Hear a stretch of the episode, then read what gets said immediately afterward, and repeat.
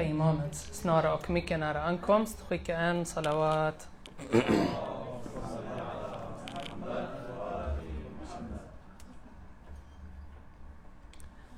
För att fylla samlingen med Nur, Ali Beiti Muhammad, skicka en till salawat.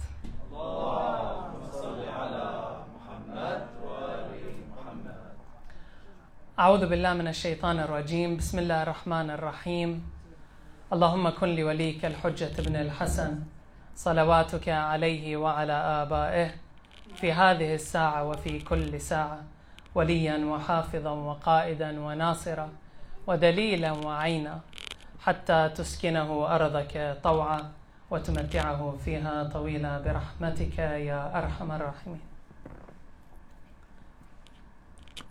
Sättet vi tänker på kan antingen lyfta oss upp eller dra oss ner.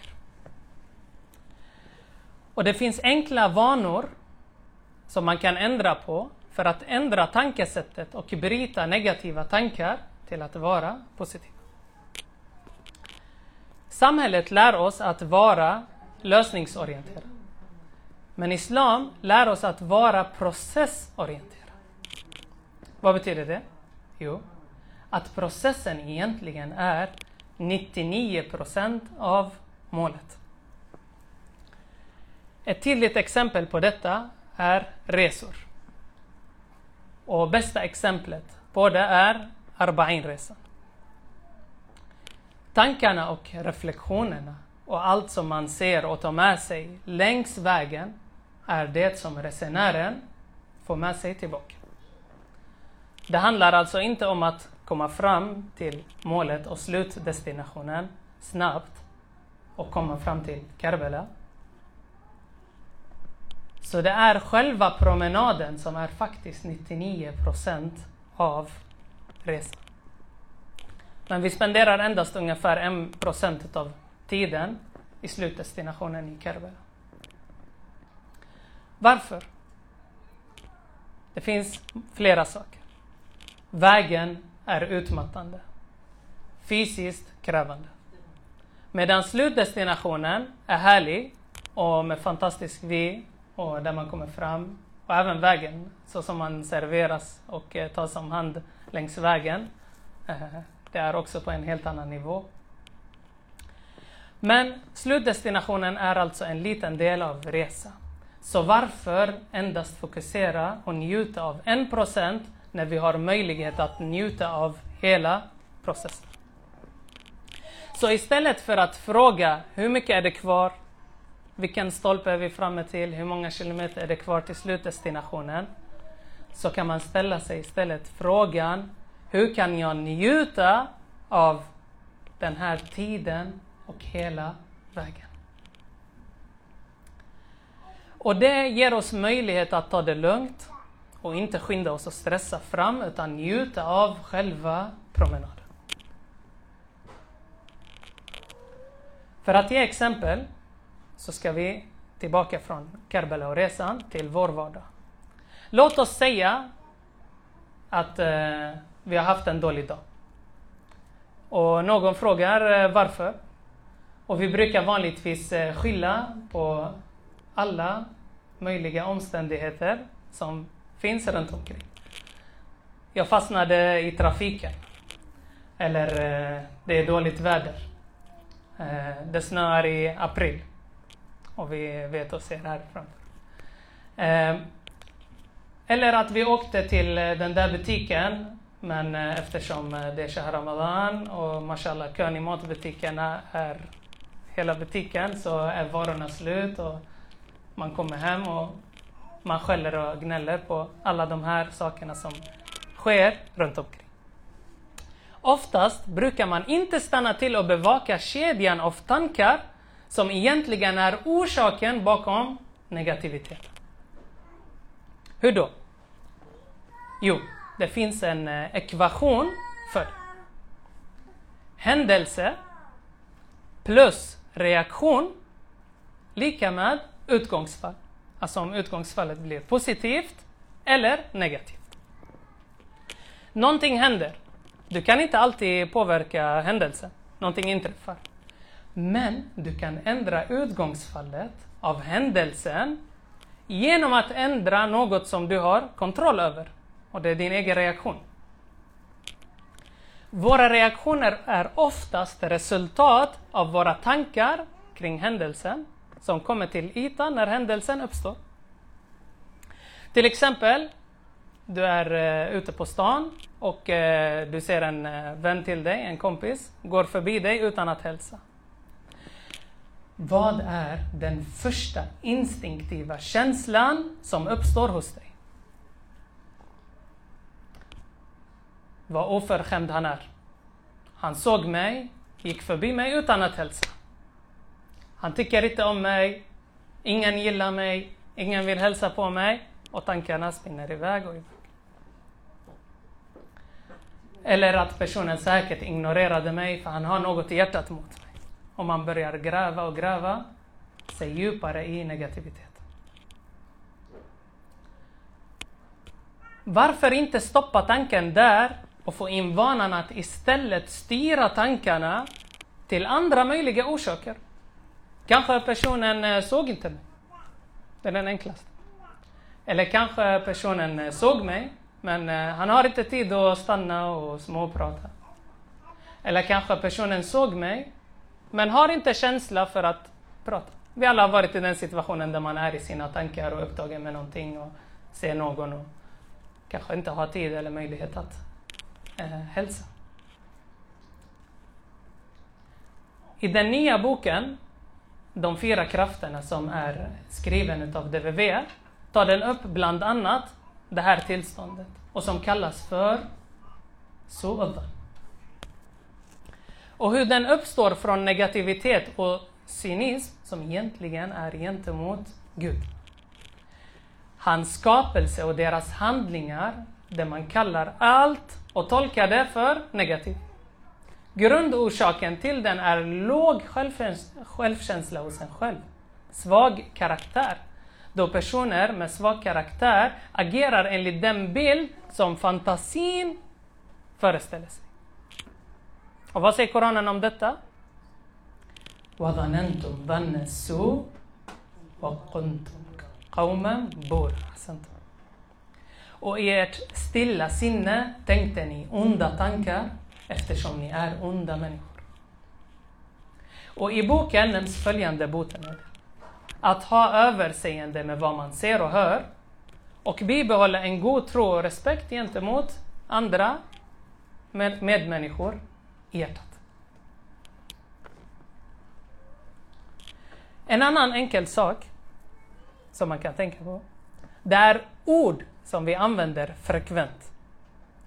De tenderar att forma våra tankar. Vare sig om du ut, uttrycker dem högt eller bara tänker på dem. Eller säger dem till dig själv inombords. Jag kommer säga ett antal ord. Lyssna på dem och se vilket du oftare hör dig själv säga.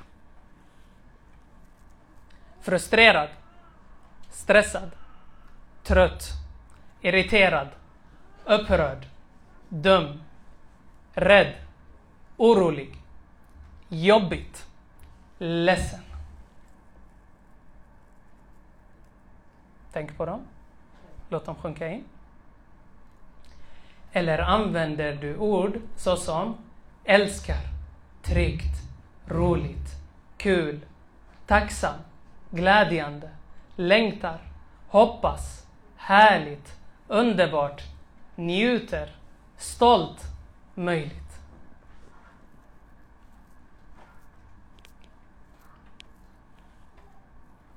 Bara av att lista upp orden så här och höra dem kan var och en enkelt göra en snabb egenkontroll och se vilken kategori den tillhör. Och var och en känner sig själv bäst. Och som sagt, även om man inte uttrycker det högt, det räcker att man tänker på Eller säger dem till sig själv. Över tid kan valet av dessa ord ha en direkt omedveten påverkan över hur vi reagerar och ser på saker och ting som sker runt omkring oss hela tiden. Även när eh, ingen är runt omkring oss så är tankarna igång och drar i visst mönster. Och ibland kan en tanke bara dyka upp.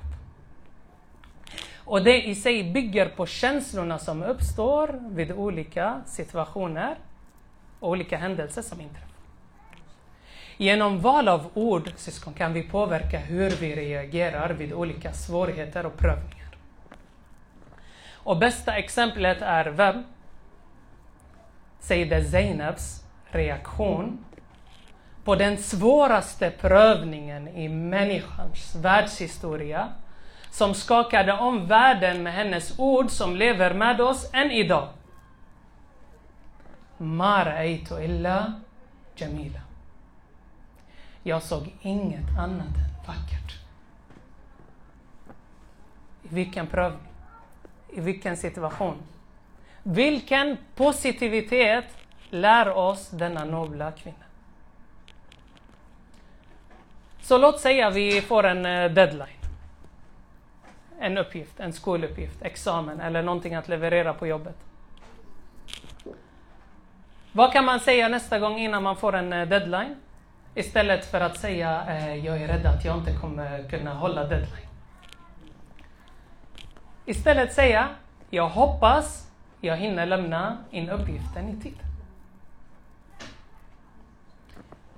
Genom att skifta våra ordval och vår vokabulär till lite mer optimistiskt val av ord så kan vi balansera det och dra våra tankar mot det positiva. Och där kommer det viktiga som vi får tänka på när vi umgås med varandra, eh, alltså oss sinsemellan. Vikten av att använda heliga ord, dhikr. Såsom broder, syster, bismillah, alhamdulillah, subhanallah, inshallah, Allahu akbar, ya sattar. Men försiktig med Allahu akbar, eh, för att inte råka säga det på Eh, fel plats eh, framför kollegorna.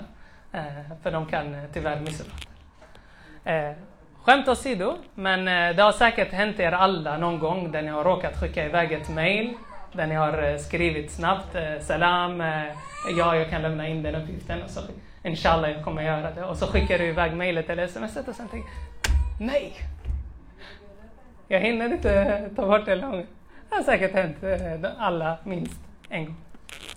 Eh, och reaktionen på det är alltid eh, spännande, eh, särskilt om det är till chefen man har råkat skicka. Men se det ur en positiv aspekt att dessa vackra ord har blivit en vana i ditt tankesätt. Eller dhikr som La ilaha illallah. La hawla wa la quwwata illa billah. Inna lillah wa inna ilayhi raji'un. Ja Ali. Eller det som fyller en samling mest nur och låter själarna flyga. En salawat ala Muhammad och Ali Muhammad.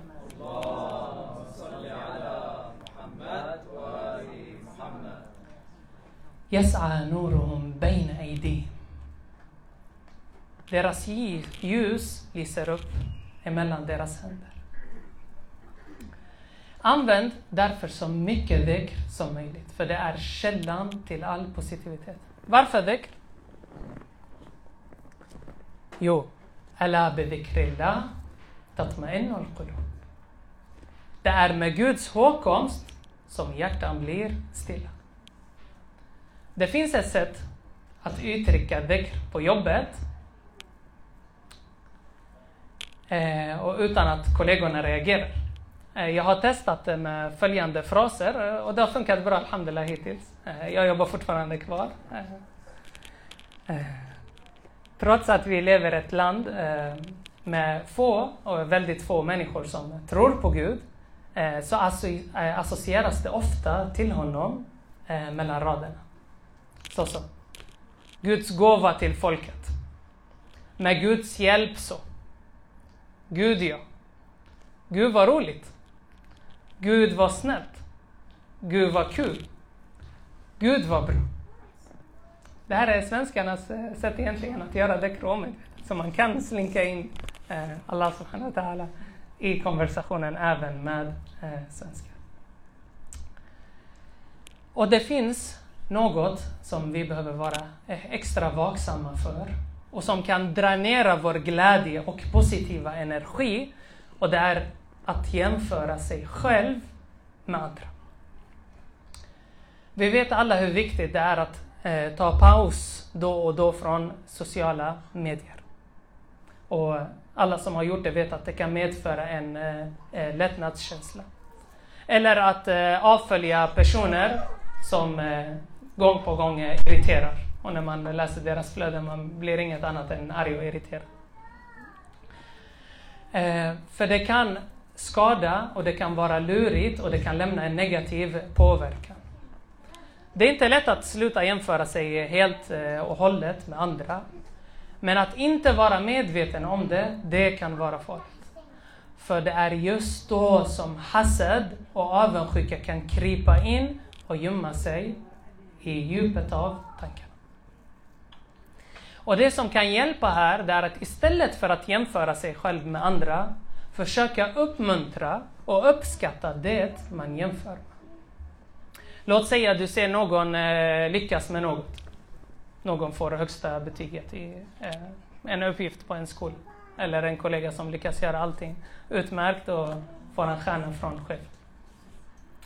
Istället för att tänka och önska, ah, jag kunde också. Istället tänka vad mycket den här personen måste ha kämpat och gått igenom svårigheter för att nå dit den har nått. Säkert den förtjänar den för den har gjort si och så för att lyckas. På så sätt försöka, istället för att få eh, en dålig känsla, försöka inspireras. Eller kanske även motiveras för att eh, växa och själv lyckas uppnå önskat resultat. En sista sak som vi kan nämna och det är hygien. Men eh, inte för eh, att borsta tänderna och hålla kläderna rent och de yttre fysiska aspekterna som vi är väldigt duktiga och måna om, alhamdulillah, en troende ska vara ren och prydlig. Vi bryr oss ofta om vår hygien såsom tänder, eh, vikt, eller om vi får ett sår, vi skyndar oss för att plåstra till det. Men hur är det när våra känslor skadas? Hur är det när eh, vi blir upprörda? Hur är det när vi blir irriterade? Hur är det när någonting inombords eh, skadar oss? Är vi lika måna och försiktiga om den hygienen? Vi hör, och som eh, en av bröderna tog upp eh, under dagarna, eh, vi fick frågan av personer som styrketränar att eh, hur kan man eh, balansera fastan och man slutar ta protein för musklerna kommer gå ner några kilo. Och det är som om det är den värsta katastrofen som kan hända eh, under året. Man har 11 månader att träna och ta protein och hålla sig igång. Men några veckor av fasta, om man går ner några kilo, de här är jätteviktiga. Men själen då? Hur mår vår själ? Den här månaden handlar inte egentligen bara om eh, mat och dryck. För det är det enda vi hör på jobbet och från kollegorna. Ah, hur klarar ni er utan att dricka vatten? Hur kan ni gå runt eh, utan mat? Fastan handlar mycket mer än det. det är, eh, mat och dryck det är det minsta. Akhlaq, att bygga upp en stark karaktär. Att bygga upp en personlighet. Att reformera sig själv. Att ta till sig av alla de här, de här samlingarna som vi har. De har en direkt effekt på vår själ allt det här vi samlar och tar med oss från månaden Ramadan, det är det som är Shahr Ramadan. Inte bara att avstå från eh, mat och dryck och fasta, vem som helst kan göra det. Och det är många som gör det. Många idag skriver om att eh, fastan är hälsosam och bra för kroppen och Broder Ali han tog upp eh, effekterna, både de fysiska och andra. Och vi vet om de här sakerna. Men det är de inre aspekterna som är viktiga. För under dessa dagar finns min Laylatul Qadr. Och det är genom att bygga tankarna och forma dem och styra dem och kontrollera dem som jag kan uppnå min Laylatul Qadr. För Shahr Ramadan börjar inte den första. Shahr Ramadan börjar redan vid Rajab, om inte tidigare än så. Redan där börjar man förbereda sig och ändra på sina vanor för att kunna ta till sig av Laylat al-Qadr. Och inshallah Gud välsignar oss att ta vara på denna heliga månad och dessa heliga dagar och nätter som passerar fort. En vecka har redan passerat. Inshallah Gud skänker oss av det bästa som finns och vi avslutar också med det bästa som finns. En salawat ala Muhammad Wa Ali Muhammad.